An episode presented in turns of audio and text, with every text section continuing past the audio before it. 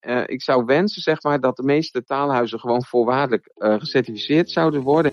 Dit is de podcast van CBCT, het certificeringsbureau voor bibliotheken, cultuur- en taalorganisaties. Wilt u meer weten over certificering, het belang ervan en wat u kunt doen voor een goede zelfevaluatie?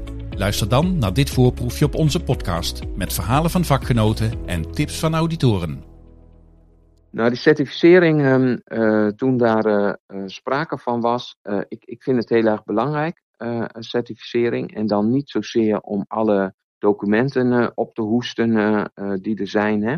Um, maar veel meer om goed te kijken van, ja, waar sta je op dit moment en waar zou je naartoe kunnen? En ik ben altijd blij met um, uh, ja, uh, externe mensen die je kritische vragen stellen waar je mee bezig bent. Uh, zodat je kunt kijken van, hey, hebben, hoe hebben we het altijd gedaan? Is dat eigenlijk wel de goede weg? Jeroen Schiedon is een van de auditoren van CBCT. Ook hij legt uit wat het belang van certificering voor taalhuizen is. Ja, het is een ontzettend mooi moment om op verschillende punten eigenlijk een goede doorlichting te krijgen van je organisatie. Het, uh, het, geeft eigenlijk in een vrij kort tijdsbestek een, uh, een mooie reflectie op waar je als organisatie voor staat. En wat eigenlijk de punten zijn waar je de komende periode aan zou kunnen gaan werken. En dat is een belangrijk punt van uh, het certificeringstraject voor, voor taalhuizen. Het certificeringsproces bestaat uit meerdere stappen. Na het aanmelden van je taalhuis ga je aan de slag met de zogenaamde zelfevaluatie. Hiervoor verzamel je verschillende documenten en moet je aanvullende vragen beantwoorden.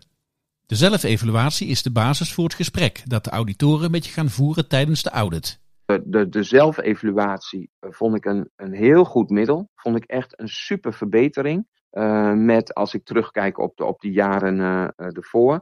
Want het zet je met z'n allen, als je dat gaat insteken, dan zet het je scherp. Dus, dus die zelfevaluatie is super interessant om, om te doen. Om met, om met zoveel mogelijk stakeholders, om die dan te doorlopen. Mensen hebben het vooral ervaren als, uh, ik had het ook uitgelegd, dat het een soort foto van ons, uh, ons taalhuis was, waarmee we dan adviezen krijgen hoe, hoe we beter en, en kunnen organiseren verder in de toekomst en werken.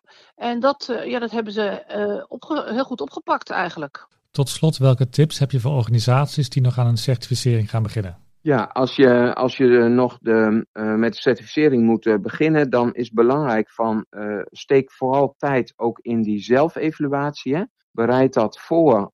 doe het ook gewoon met zo breed mogelijke partners.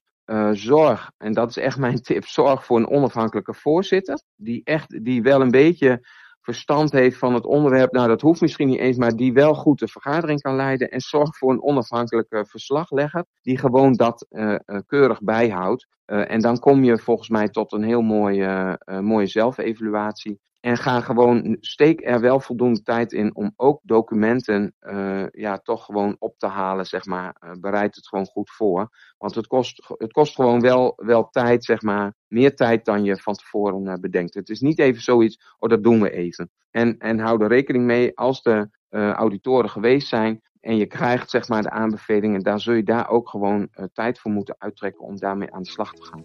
Dit was een voorproefje van de podcast van CBCT. Deze podcast maakt deel uit van een serie over certificering van taalhuizen, cultuurinstellingen en bibliotheken. Heb je tips of vragen? Neem gerust contact op www.certificeringsorganisatie.nl